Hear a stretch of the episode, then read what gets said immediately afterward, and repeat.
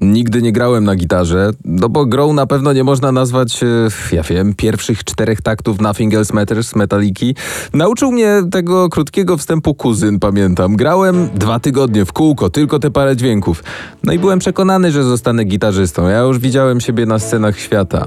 Dopóki kolega nie pokazał mi bębnów. Zakochałem się po uszy. Rodzice nie byli zachwyceni za bardzo tą miłością, zwłaszcza na początku nauki.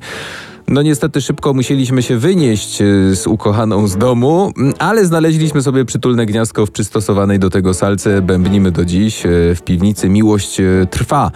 Ale zacząłem mówić o gitarze.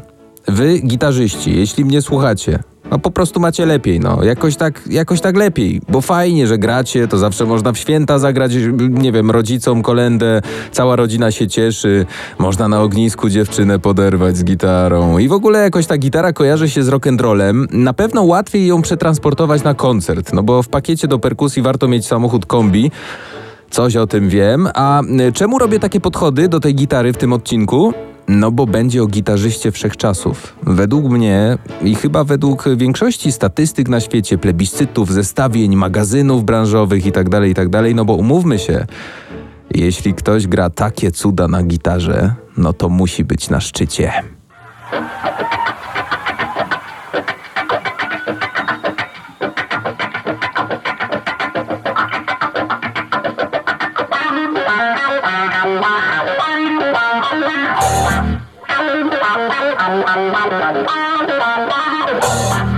Wracamy do klubu 27. Kto już wie, o kim dziś będzie w podcaście? Poznaj tajemnicze okoliczności śmierci gwiazd. Ostatnie dni legendy. Jimi Hendrix, mistrz? Mało powiedziane. Mam wrażenie, że nikt już w świecie gitary więcej niczego po nim nie odkrył. On pokazał światu, jak się gra na wiośle. Proste. Czytając jakiekolwiek artykuły czy notki o tym muzyku, spotykamy się z podobnymi stwierdzeniami. Rozszerzył zakres y, słownictwo związane z gitarą elektryczną na obszary, w których żaden muzyk nigdy wcześniej się nie odważył znaleźć. Jego niekończące się wręcz umiejętności techniczne, kreatywne, zastosowanie efektów takich jak wah, distortion, no na zawsze odmieniło brzmienie rock'n'rolla i tak dalej, i tak dalej. To właśnie wam przeczytałem, co piszą o tym panu w internecie. Co ciekawe, ja trafiłem na Jimiego Hendrixa trochę przypadkiem. No przypadkiem to może złe słowo, bo no, no, nie chcę się kompromitować, ale trafiłem na niego słuchając dużo Red Hot Chili Peppers i solówek Johna Frusciante. Później, jak już odkryłem płyty Hendrixa, absolutna magia. Ja byłem gdzie indziej. Y, magia, która towarzyszy mi do dziś i cały czas się zastanawiam, jeśli temu człowiekowi dane by było żyć jeszcze kilkadziesiąt lat, co jeszcze pokazałby światu? Tymczasem jesteśmy w roku 1970. Tydzień przed śmiercią Hendrix miał do czynienia z dwoma toczącymi się sprawami sądowymi, w tym jedną o ojcostwo. Zmartwiony chęcią odejścia od swojego menadżera Michaela Jeffrey'ego, Hendrix był zmęczony, cierpiał z powodu złego stanu zdrowia.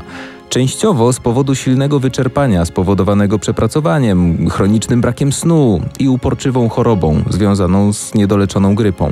Brak zaufania do osobistych relacji, niepewność do przyszłości, rozczarowanie branżą muzyczną no to wszystko przyczyniło się do jego ogromnych frustracji w tym czasie. We wrześniu, jak sam zresztą przyznał e, w jednym z ostatnich wywiadów, był zasmucony odejściem swojego basisty Billego Coxa z zespołu Jimi Hendrix Experience. 13 września mieli zagrać w Rotterdamie, ale ten i trzy inne koncerty musieli niestety odwołać z powodu właśnie odejścia Coxa. Dzień później spotkał się z producentem muzycznym Alanem Douglasem, żeby omówić plany zawodowe, chociaż już wtedy dało się odczuć, że Jimmy miał problemy z koncentracją. Nie mógł się skupić nad muzyką, czuł się nieswojo. W rozmowie ze swoją przyjaciółką podobno wyznał, że nie czuje się najlepiej, nie może spać, nie jest w stanie napisać żadnej piosenki. To jest nie do wyobrażenia. Jimi Hendrix, który rzucał piosenkami jak z rękawa. 15 września po południu w Londynie zjawiła się jego dziewczyna, Monika Daneman. Bardzo mocna postać w tej historii. Następnie pojechali z Hendrixem do swojego mieszkania w hotelu Samarkand w Notting Hill. Tego samego popołudnia zadzwonił do niego przyjaciel, Eric Bardon, dawny członek grupy Animals, z pytaniem, czy chciałby wziąć udział w jam session w nowym klubie jazzowym razem z muzykami formującej się dopiero kapeli. To miała być taka, no, szansa dla Jimiego, żeby trochę się odnowił, trochę się odświeżył w tym świecie muzycznym. Hendrix się zgodził, ale kiedy przybył do klubu tego wieczoru, nie pozwolono mu zagrać. Jak wspomina mm, ten wieczór jego kumpel, Hendrix za bardzo chwiał się na nogach, był pod wpływem narkotyków. Odesłano go wtedy z kwitkiem. Wrócił następnej nocy, podobno już w lepszej formie. I nadchodzi 17 września 1970 roku, dzień przed śmiercią Jimmy'ego Hendrixa.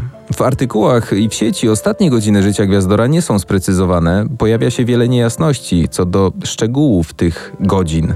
Na pewno większą część tego dnia spędził razem ze swoją dziewczyną, Moniką Daneman. Obudził się w hotelu Summercamp w Notting Hill, tym samym, w którym już którąś noc przebywali razem. Około 14 postanowili posiedzieć razem w hotelowym ogrodzie, popijając herbatę. Monice udało się zrobić Jimiemu serię zdjęć. Możecie je znaleźć w sieci. E, mnie osobiście bardzo się podobają. Hendrix siedzi przy stoliku z herbatą, trzymając w rękach swój atrybut, ulubioną gitarę, Fendera, Stratocastera.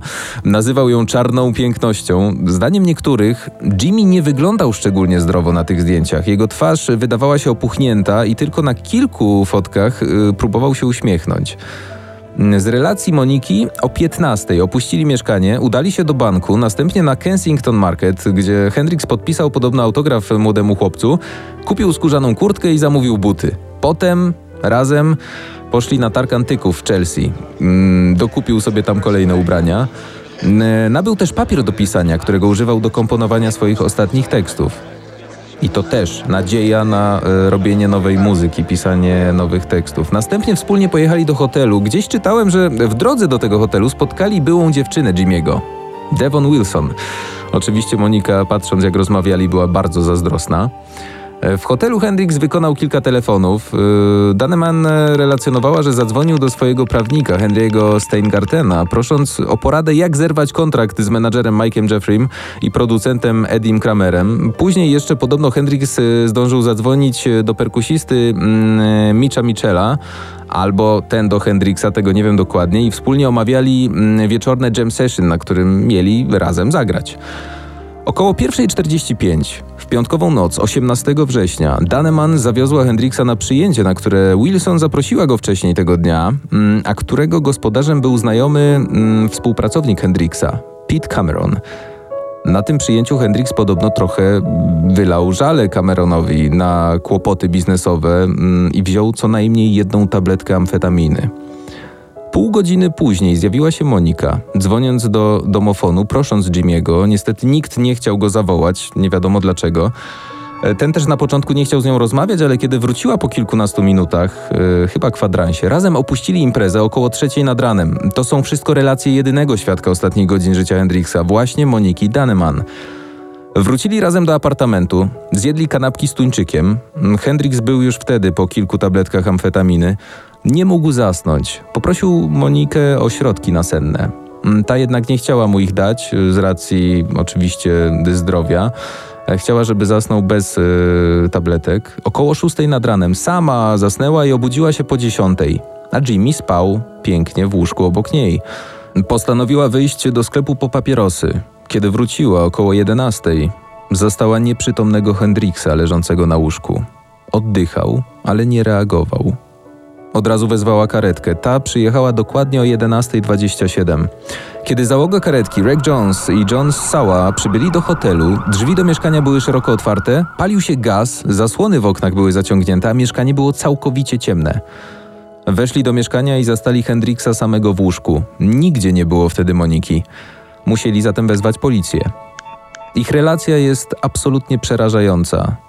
Hendrix leżał we własnych wymiocinach. Jego drogi oddechowe były całkowicie zablokowane, tak że ledwo oddychał, a jego puls ledwo wyczuwalny.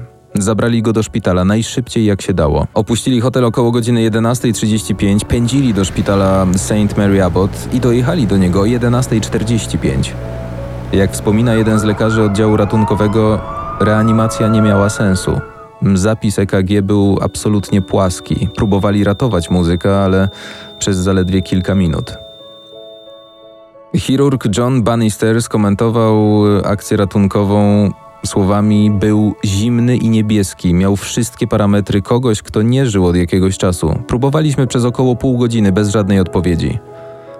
Bannister ogłosił zgon Hendrixa o 12.45 w piątek, 18 września 1970 roku. Jimmy miał wtedy 27 lat. Wkrótce po tym, jak Bannister ogłosił zgon Hendrixa, rzecznik szpitala powiedział prasie: Nie wiemy gdzie, nie wiemy jak, nie wiemy dlaczego zmarł, ale zmarł z przedawkowania. Wcześniej do prasy przedostało się fałszywe oświadczenie o samobójstwie, ponieważ jeszcze przed karetką kumpel Hendrixa przybył do tego mieszkania, chcąc zatuszować ślady po narkotykach. e, Bał się, że policja je znajdzie i znalazł w mieszkaniu wiersz The Story of My Life, który Jimmy napisał kilka godzin wcześniej. Wziął ten wiersz za list pożegnalny, a tak przecież nie było.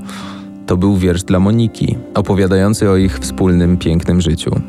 Sekcja zwłok Jimmy'ego Hendrixa wykazała alkohol w jego krwi oraz oczywiście narkotyki. Przyczyna śmierci? Zadławienie wymiotami z powodu zatrucia lekami nasennymi, ale wciąż nie było dowodów na rzekome samobójstwo. Doneman stwierdziła później, że Hendrix miał zażyć 9 tabletek nasennych, e, przeznaczonych do przyjmowania w dawkach zaledwie no, pół tabletki jednorazowo. To tak jakby jednocześnie przyjął 18 dawek silnego leku. Jimi Hendrix został pochowany w dniu 1 października na cmentarzu Greenwood w Renton w stanie Waszyngton. Tam do dziś spoczywa najwybitniejszy gitarzysta wszechczasów. Mateusz Opyrchał. Dzięki i do usłyszenia.